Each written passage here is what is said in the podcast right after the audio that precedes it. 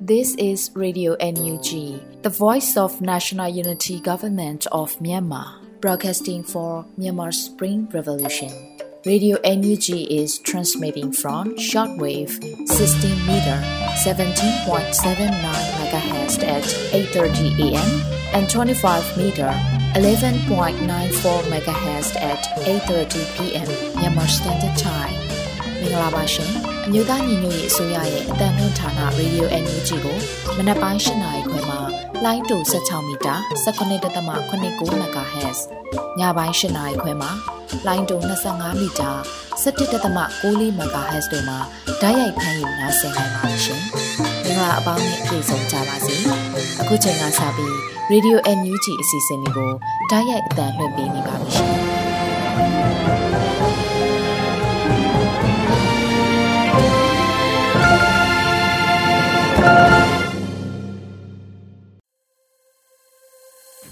မင်္ဂလာနံနက်ခင်းပါရှင်ရေဒီယိုအန်ယူဂျီကိုနားဆင်နေကြတဲ့မိဘပြည်သူများနဲ့မြန်မာနိုင်ငံသူနိုင်ငံသားအပေါင်းတဘာဝဘေးဆရာနာရှင်ဘေးတို့ကနေကင်းဝေးပြီးကိုစိတ်နှပါဘေးကင်းလုံခြုံကြပါစေလို့ရေဒီယိုအန်ယူဂျီအဖွဲ့သားများကဆုတောင်းမေတ္တာပို့သလိုက်ပါတယ်အခုချိန်ကစပြီးဇူလိုင်လ3ရက်နေ့ရေဒီယိုအန်ယူဂျီရဲ့မနက်ခင်းအစီအစဉ်တွေကိုစတင်ထုတ်လွှင့်ပေးတော့မှာဖြစ်ပါတယ် ပထမအဆုံးအနေနဲ့ကာကွယ်ရေးဝန်ကြီးဌာနရဲ့စီရေးသတင်းအကျဉ်းချုပ်ကိုຫນွေဦးအလင်ကမှဖတ်ကြားတင်ပြပေးမှာဖြစ်ပါတယ်ရှင်။ကာကွယ်ဝင်ကြီးဌာနအမျိုးသားညီညွတ်ရေးဆိုရမှာဇွန်လ2ရက်နေ့2023ခုနှစ်ထုတ်ဝေတဲ့စီရေးသတင်းကျဉ်းချုပ်ကိုတင်ဆက်ပေးတော့မှာဖြစ်ပါတယ်။ရန်သူတပ်သား9ဦးသေဆုံးပြီး9ဦးထိခိုက်ဒဏ်ရာရရှိခဲ့ကြောင်းသတင်းရရှိပါရခင်ဗျာ။ အာနာသိန်းအကြံဖက်စစ်တပ်နဲ့တိုက်ပွဲဖြစ်ပွားမှုသတင်းတွေကိုတင်ဆက်ပေးကြပါမယ်။ဇူလိုင်လ1ရက်နေ့မနက်9:00နာရီခန့်မှာကချင်ပြည်နယ်ဝိုင်းမော်မြို့နယ်စတုံကံပိုက်တီလန် KIA တရင်သုံးနယ်မြေလက်ကက်ကောင်နဲ့အန်ဝမ်းရန်ကြားမှာ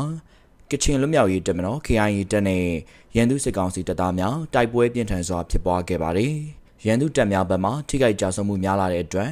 မနက်7:00နာရီချိန်ခန့်မှာတိုက်ပွဲဖြစ်ပွားရာနေရာမှာနောက်ပြန်ဆုတ်သွားခဲ့ပြီးနောက်ညနေ4:00နာရီချိန်ခန့်မှာတိုက်လေယာဉ်များနဲ့ပစ်ကူခဲ့က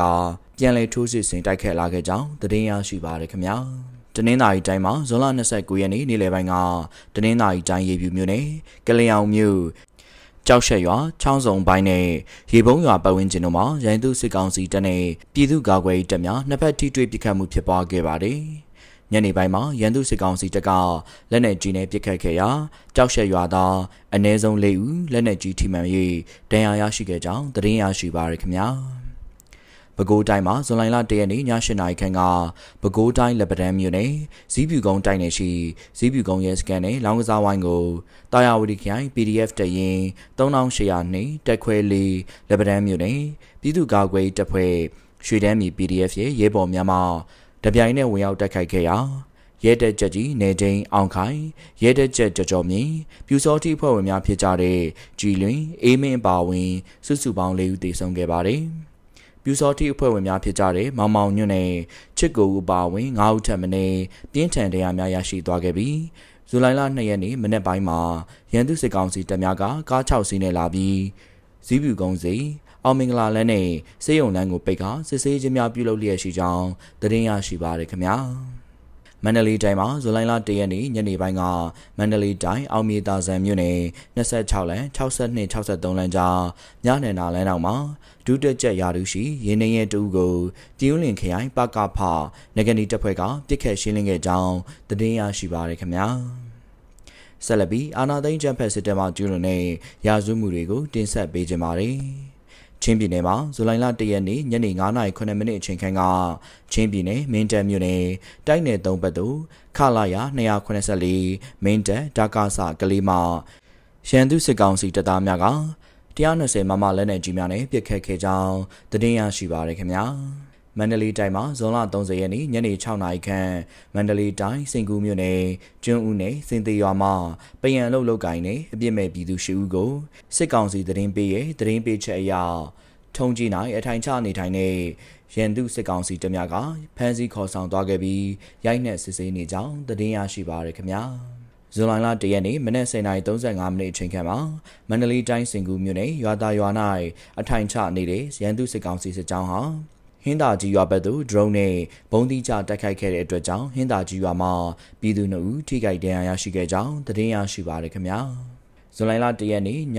10:06မိနစ်အချိန်ခန့်မှာမန္တလေးတိုင်းစင်ကူးမြို့နယ်ထုံးကြီးရွာမှာရောက်ရှိနေတဲ့ရန်သူစစ်ကောင်စီတပ်ဖွဲ့ဝင်များဟာလက်နက်ကြီးလေးချက်နဲ့ညာစိမ့်ကျွန်းပေါ်သို့ပြက်ခတ်နေပြီးကြောက်ရင်ရွာအနီးသို့ကြားရောက်ပောက်ခွဲခဲ့ကြောင်းသတင်းရရှိပါရခင်ဗျာ တနင်္လာရီတိုင်းမှာဇွန်လ29ရက်နေ့ညနေ3:30မိနစ်အချိန်မှစ၍ည10:00နာရီချိန်ခန့်အထိတနင်္လာရီတိုင်းရေပြူမြို့နယ်ကြောက်ရက်ကျွောက်စုထဲသို့ရန်သူစစ်ကောင်စီတရင်များကလက်နက်ကြီးနဲ့ရန်တမ်းပစ်ခတ်ခဲ့တဲ့အတွက်ကြောင့်ကျေးရွာအုပ်စုတစ်ခုလုံးနီးပါးစစ်ဘေးရှောင်ထွက်ပြေးနေရကြောင်းသတင်းရရှိပါရခင်ဗျာဇွန်လ28ရက်နေ့ည10:30မိနစ်အချိန်ခန့်ကတနင်္လာရီတိုင်းရေပြူမြို့နယ်ကြောက်ကညာရွာအခြေဆိုင် အာမတာ304ကြောက်ကညာကာယခတရင်မှာ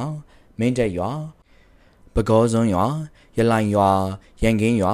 ရွှေနဲ့တောင်ရွာစတဲ့နေရာများဘက်သို့လက်နက်ကြီးနဲ့ရန်တမ်းပစ်ခတ်ခဲ့တဲ့အတွက်ကြောင့်ပြည်သူများရာနေချီထွက်ပြေးနေရကြောင်းသတင်းရရှိပါရခင်ဗျာ ဇွန်လ29ရက်နေ့ည10:00နာရီချိန်ခန့်ကတနင်္သာရီတိုင်းတနင်္သာရီမြို့နယ်ဘန်လမို့ကျွော်ဘက်သို့အာမတ306တနင်္သာရီကာယခဘက်မှလက်နက်ကြီးများနဲ့ရန်တမ်းပစ်ခတ်ခဲ့ကြောင်းသတင်းရရှိပါရခင်ဗျာဇွန်လ29ရက်နေ့ညနေ4:00နာရီချိန်ခန့်မှာတနင်္သာရီတိုင်းတနင်္သာရီမြို့နယ်ဘန်လမို့ကျွော်ဘက်မှနေအိမ်သုံးဆောင်ကိုဇဝဲနဲ့မြိတ်ဖက်မှဆင်းလာတဲ့ရန်သူစစ်ကောင်စီတပ်သားများကမိရှုဖျက်ဆီးခဲ့ကြောင်းသတင်းရရှိပါရခင်ဗျာ ရခိုင်ပြည်နယ်မှာဇွန်လ29ရက်နေ့မနက်7:00နာရီခန့်မှာရခိုင်ပြည်နယ်ပုံနှကျွန်းမြို့နယ်တောင်ပေါက်ကျေးရွာကိုဖျက်၍ပုံနှကျွန်းဘက်မှလာတဲ့ရန်သူစစ်ကောင်စီရင်ထဲမှာ73စီးမြောက်ကားတစ်စီးမှာလမ်းဘေးမှာရပ်ထားတဲ့သုံးဘိန်းရင်တစ်စီးအားဝင်တိုက်ခဲ့တဲ့အတွက်ကြောင့်တပ်တော်64နှစ်ရှိတဲ့တကူးကျောင်းနိုင်ဆရာတော်ကြီးရဲ့ဦးကောင်းလက်ခြေထောက်တို့မှာပုံးပဲ့တန်ရနဲ့အပြင်ဘဲဘက်တင်ပစုံယူကျိုးအပ်သွားခဲ့ပါတယ်။သုံးဘိန်းမောင်းသူမှာစစ်တွေမျိုး ကုန်းတန်းရက်ကွက်မှာအသက်40အရွယ်ရှိဦးထွန်းအောင်မှလည်းပြင်းထန်စွာတရားရရှိခဲ့ပါတယ်။ရန်သူစစ်ကောင်စီများမှဝင်တိုက်ခဲ့ပြီးရက်တန့်ခဲ့ခြင်းမရှိဘဲတရဇက်မောင်းနှင်သွားခဲ့တယ်လို့ရင်းကားနောက်မှာနောက်ထပ်ကားများကလည်းရက်တန့်ခဲ့ခြင်းမရှိဘဲမောင်းနှင်သွားခဲ့ကြောင်းသတင်းရရှိပါရခင်ဗျာ။ယခုတင်ဆက်သွားတဲ့သတင်းတွေကိုမြေပြင်သတင်းတာဝန်ခံများနဲ့သတင်းမီဒီယာတွေမှာဖော်ပြလာတဲ့အချက်အလက်တွေပေါ်အခြေခံပြုစုထားခြင်းဖြစ်ပါတယ်။ကျွန်တော်ကတော့ຫນွေဦးလင်ပါ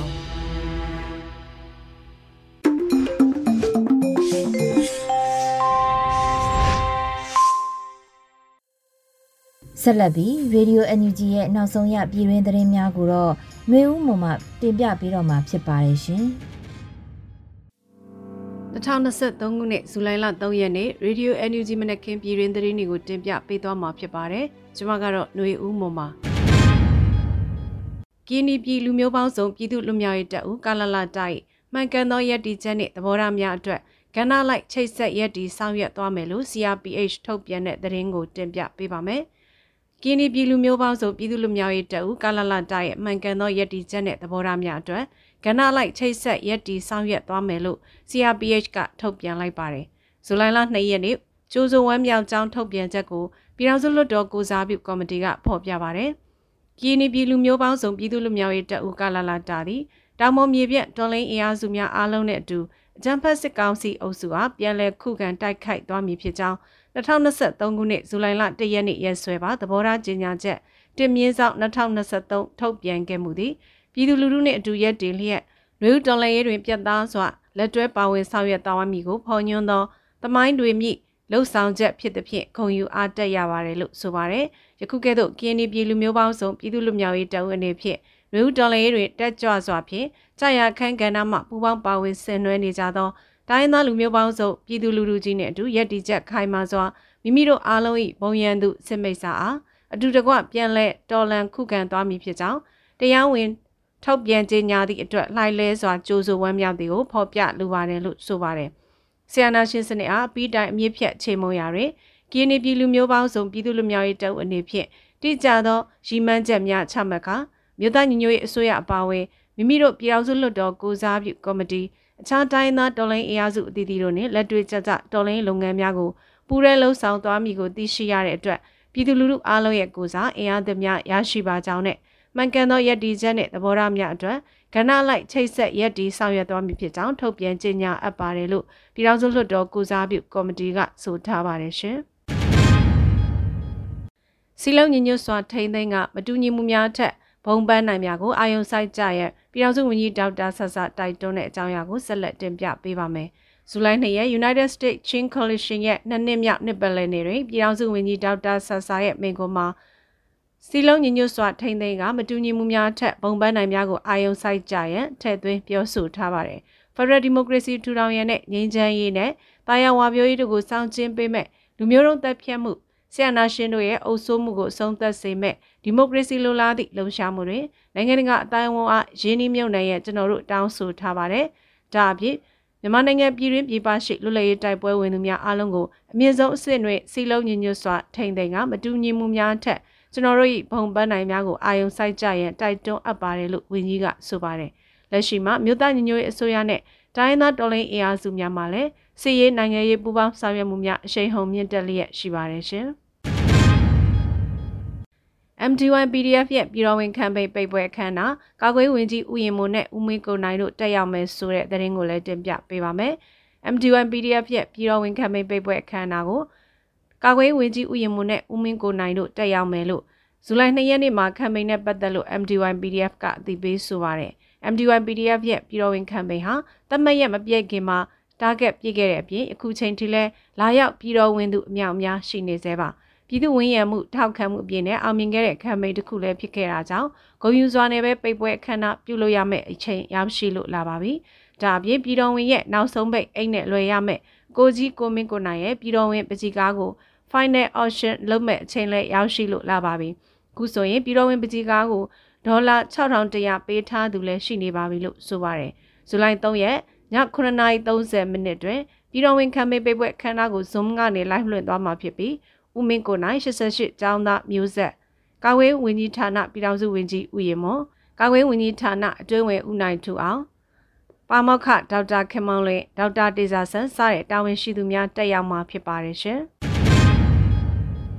NUG ပေးသုံးဆွဲသူတနစ်စာကင်းလွတ်ခွင့်ရရှိသူများအနေနဲ့ activation ကုတ်ဖို့ပေးချေလိုပါကစီဒီမွန်နှမ်းများအတွက်ပြန်လည်လှူဒန်းနိုင်တဲ့ဆိုတဲ့အကြောင်းအရာကိုလည်းဆက်လက်တင်ပြပေးပါမယ်။ NUG ပေးသုံးဆွဲသူတနစ်စာကင်းလွတ်ခွင့်ရရှိသူများအနေနဲ့ activation ကုတ်ဖို့ပေးချေလိုပါကစီဒီမွန်နှမ်းများအတွက်ပြန်လည်လှူဒန်းနိုင်တယ်လို့ဇူလိုင်၂ရက်မှာ NUG ပေးကစီဒီမွန်နှမ်းများအတွက်ပြန်လည်လှူဒန်းနိုင်မဲ့အစီအစဉ်ကိုအသိပေးဖော်ပြပါရယ်။2020ဇူလိုင်လ1ရက်နေ့မှ2023ခုနှစ်ဇွန်လ30ရက်နေ့အတွင်း တစ်နှစ်တာ activation code 9000ကျပ်ပေးချေ၍အကောင့်ဖွင့်လှစ်ခဲ့သော energy pay သုံးစွဲသူများသည်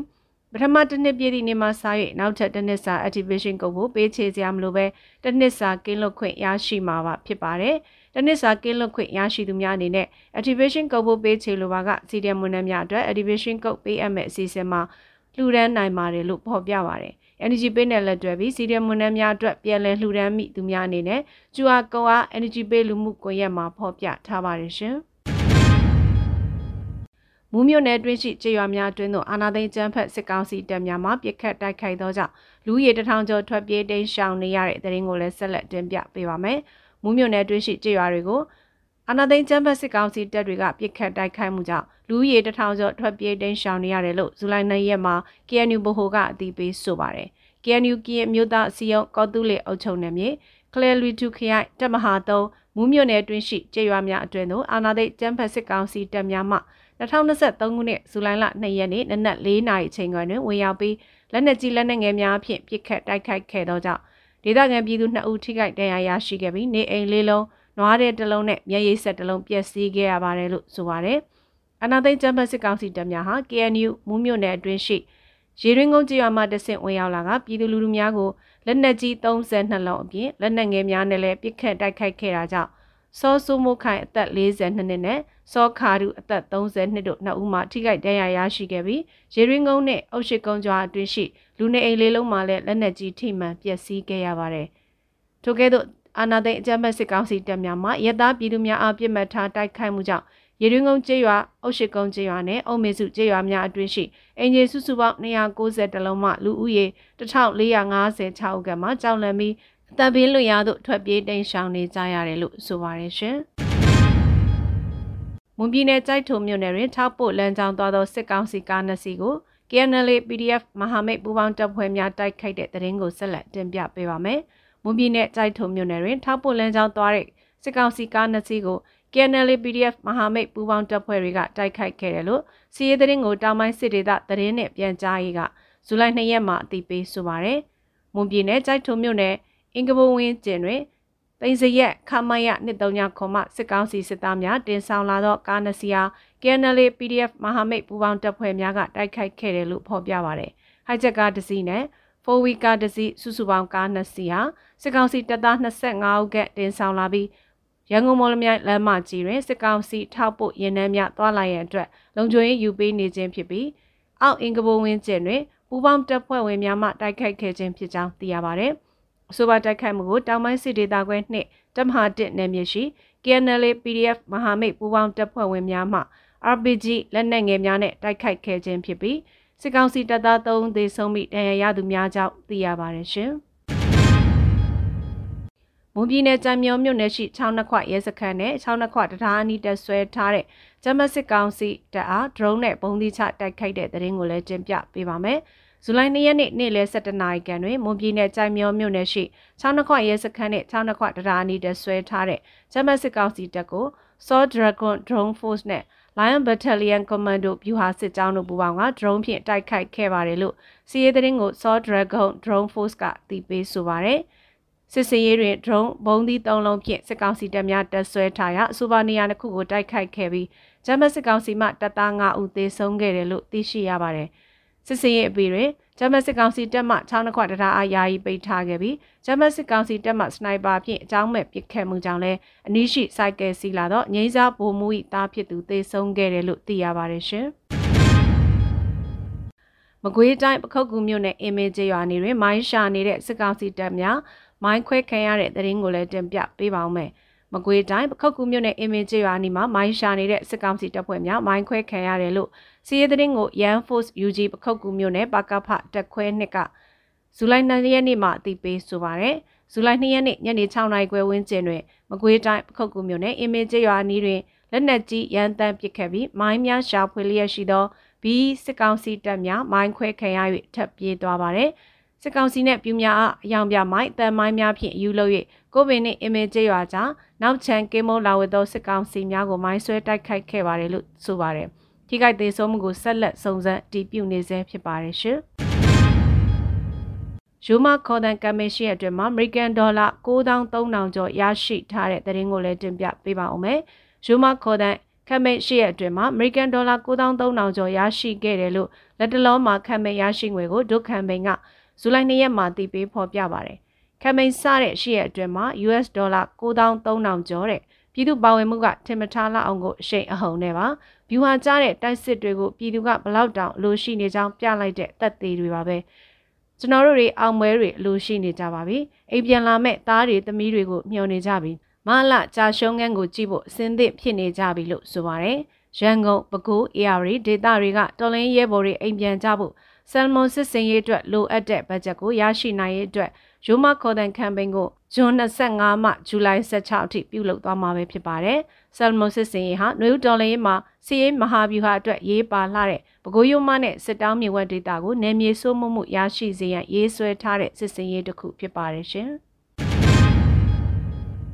ဖက်စစ်ရွေးကောက်ပွဲတပိတ်မှောက် ဖရယ်လန်ကိုရဲရဲရှဘန်နာကိုကင်ဆွဲကလောင်းလုံးမြို့နယ်အတွင်းဆီယနာရှင်စန့်ကျင်ရေးလှုပ်ရှားတဲ့တရင်ကိုလည်းတင်ပြပေးပါမယ်။ဇူလိုင်2ရက်နေ့နေ့လယ်တွင်တဝဲခရိုင်ဒီမိုကရေစီရေးလှုပ်ရှားမှုတပိတ်ကော်မတီ DDMSC မှလောင်းလုံးမြို့နယ်အတွင်းဖက်စစ်ရွေးကောက်ပွဲတပိတ်မှဖရယ်လန်ကိုရဲရဲရှဘန်နာကိုကင်ဆွဲကဆီယနာရှင်စန့်ကျင်ရေးလူမှုတပိတ်လှုပ်ရှားမှုကိုလှုပ်ဆောင်ခဲ့ပါတယ်။လူမှုတပိတ်လှုပ်ရှားမှုကိုဂျမတ်စစ်ကောင်စီမှပြုလုပ်ရန်ကြံရွယ်နေတဲ့ဖက်စစ်ရွေးကောက်ပွဲအားစန့်ကျင်တပိတ်မောက်တဲ့အနေနဲ့ ဖက်စစ်ရွေးကောက်ပွဲတပိတ်မှဖရယ်လန်ကိုရဲရဲရှဘန်နာကိုကိုင်ဆွဲပြီးချီတက်ခဲ့ကြပြီးဒေသခံမျိုးသမီးများလူငယ်များចောင်းသားများနဲ့လုံသမားလေသမားများအပြားပူးပေါင်းပါဝင်ခဲ့ကြပါတယ်။အနာသိန်းကျမစစ်ကောင်စီအနေနဲ့ဆီယနာသိန်းမှုနှစ်နှစ်ကျော်ကာလအတွင်းရတာပြည်သူလူထုပေါ်ကျန်းဖက်ဖန်စီနှိပ်စက်တပ်ဖြတ်မှုများနေ့စဉ်နဲ့အမျှကျူးလွန်နေတဲ့အပြင်နေအိမ်မောင်းမြောင်များစွာကိုလည်းမိရှုဖျက်ဆီးခဲ့တယ်လို့တဝဲခရိုင်ဒီမိုကရေစီအရေးလှုံ့ဆော်မှုတပိတ်ကော်မတီကဆိုပါတယ်ရှင်။ ခုတင်ပြခဲ့တဲ့သတင်းတွေကို Radio Energy သတင်းတောက်မင်းတီဟန်ကပေးပို့ထားတာဖြစ်ပါတယ်ရှင်။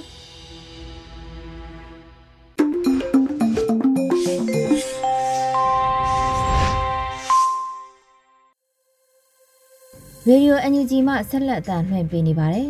အခုတခါမှာတော့တော်လန်ရေးကြပြအစီအစဉ်အနေနဲ့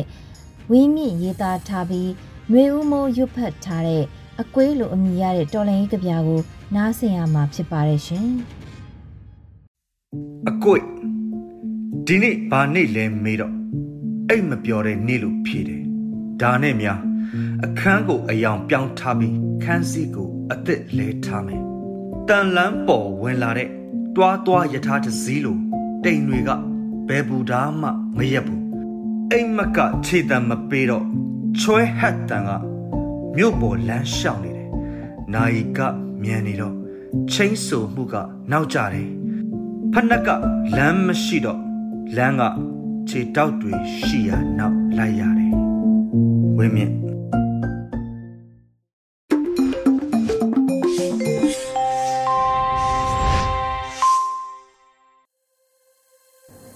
ရေဒီယိုအန်ဂျီမှဆက်လက်အသံလွှင့်ပေးနေပါတယ်အခုတခါမှာတော့ကရင်ပြည်နယ်ကနေကြားဆောင်တက်တရားဝင်ဘက်ပြောင်းတဲ့အဖြစ်ပြက်နဲ့ရှေ့အလားလာလို့အမည်ရတဲ့ မြန်မာနွေခရိုနီကယ်ဇူလိုင်လတရက်မြင်ကွင်းမိုးမခဆောင်းပါးကိုလွတ်လပ်ຫນွေဦးကဖတ်ကြားတင်ပြပေးမှာဖြစ်ပါတယ်ရှင်မြန်မာနွေဦးခရိုနီကယ်ဇူလိုင်လတရက်နေ့သတင်းမြင်ကွင်းဆောင်းပါးကရင်နီပြည်နယ်ကနေကြားဆောက်တက်တရားဝင်ဘက်ပြောင်းတဲ့အဖြစ်ပြက်နဲ့ရှေ့လားလာဆိုတဲ့ခေါင်းစဉ်နဲ့သတင်းဆောင်းပါးမှာအခုလိုရေးသားဖော်ပြထားပါတယ်။အမည်အပြည့်စုံအနေနဲ့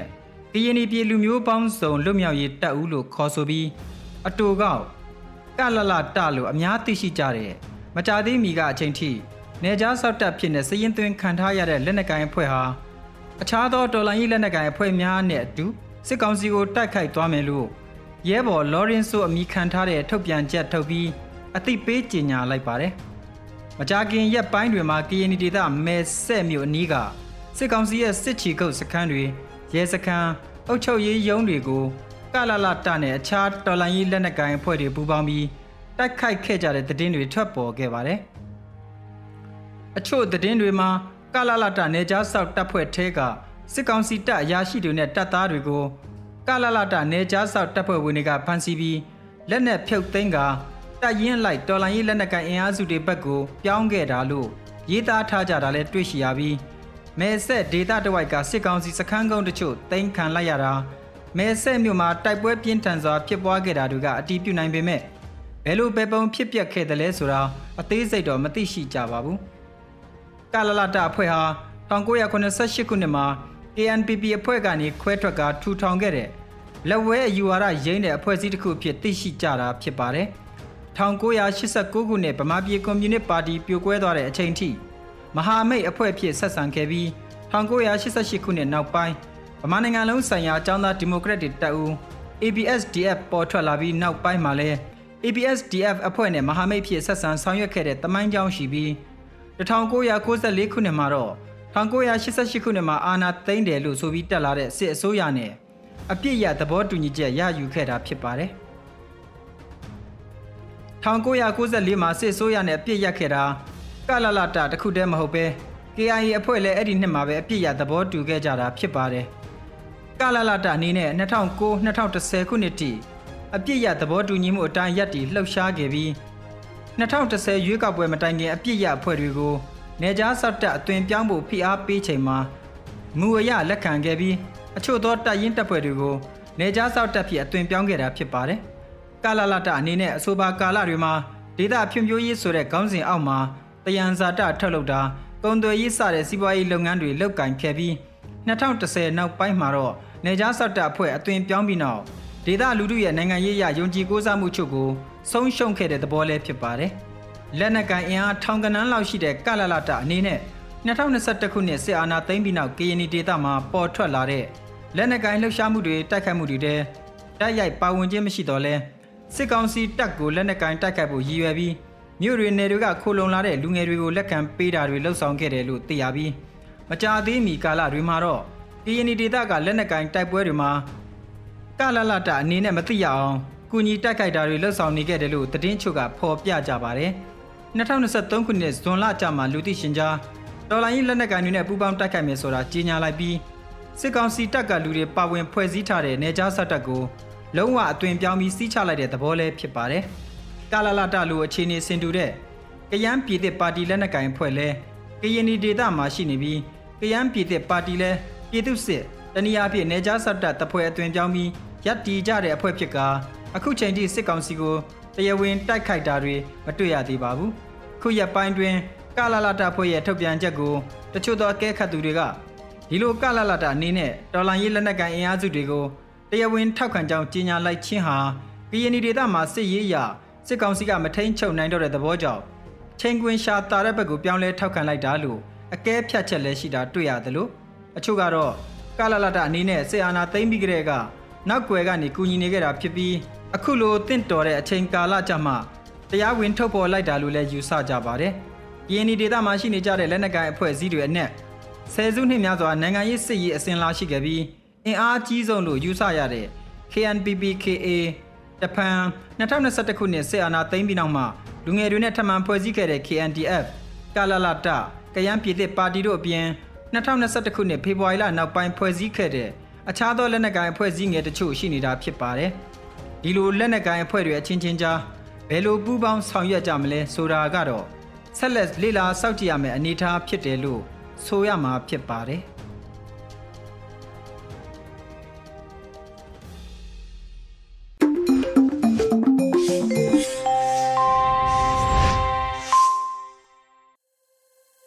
အခုဆက်လက်ပြီးတော်လန်ရေးတေဂီတာအနေနဲ့ Motions Rock Band ရဲ့နှွေဦးတော်လန်ရေးလို့အမည်ရတဲ့တေးသချင်းကိုထုတ်လွှင့်ပေးလိုက်ပါတယ်ရှင်။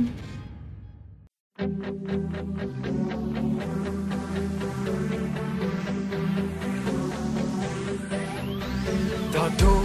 me um don la jeren kale lu ji go ba with shaman ငြိမ်းချမ်းလုံးလေး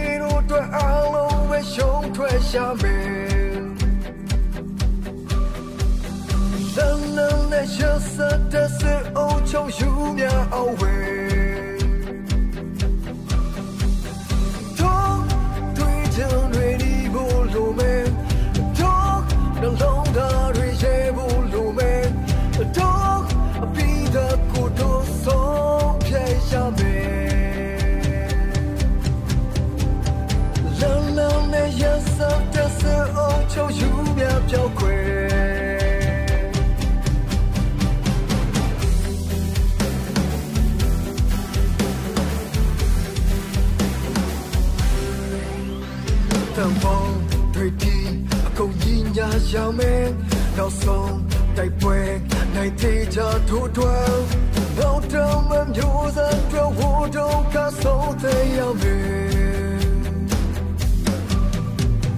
တရေကောင်းတော့တည်ငယ်ရစအောင်ချုံ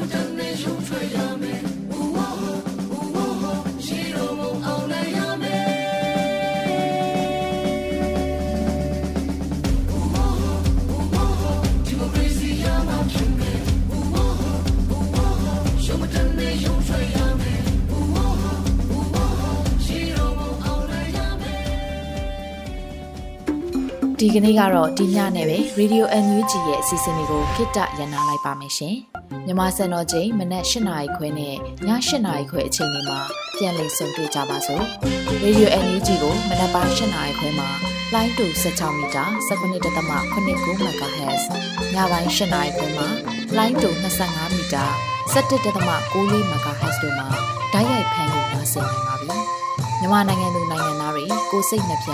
ကျန်းမာချမ်းသာလို့ဘေးကင်းလုံခြုံကြပါစေလို့ Radio NUG အဖွဲ့သူဖွဲ့သားတွေကဆုတောင်းမေတ္တာပို့တာလာရပါတယ်ရှင်။မြေသားညီမတွေအစိုးရရဲ့စက်သွေးရေးသတင်းအချက်အလက်တွေပညာဝန်ကြီးဌာနကထုတ်လွှင့်နေတဲ့ Radio NUG ဖြစ်ပါတယ်။ San Francisco Bay Area အခြေစိုက်မြန်မာမိသားစုတွေနဲ့နိုင်ငံတကာကစေတနာရှင်လို့အားပေးနေတဲ့ Radio NUG ဖြစ်ပါတယ်။အရေးတော်ပုံအောင်ရမည်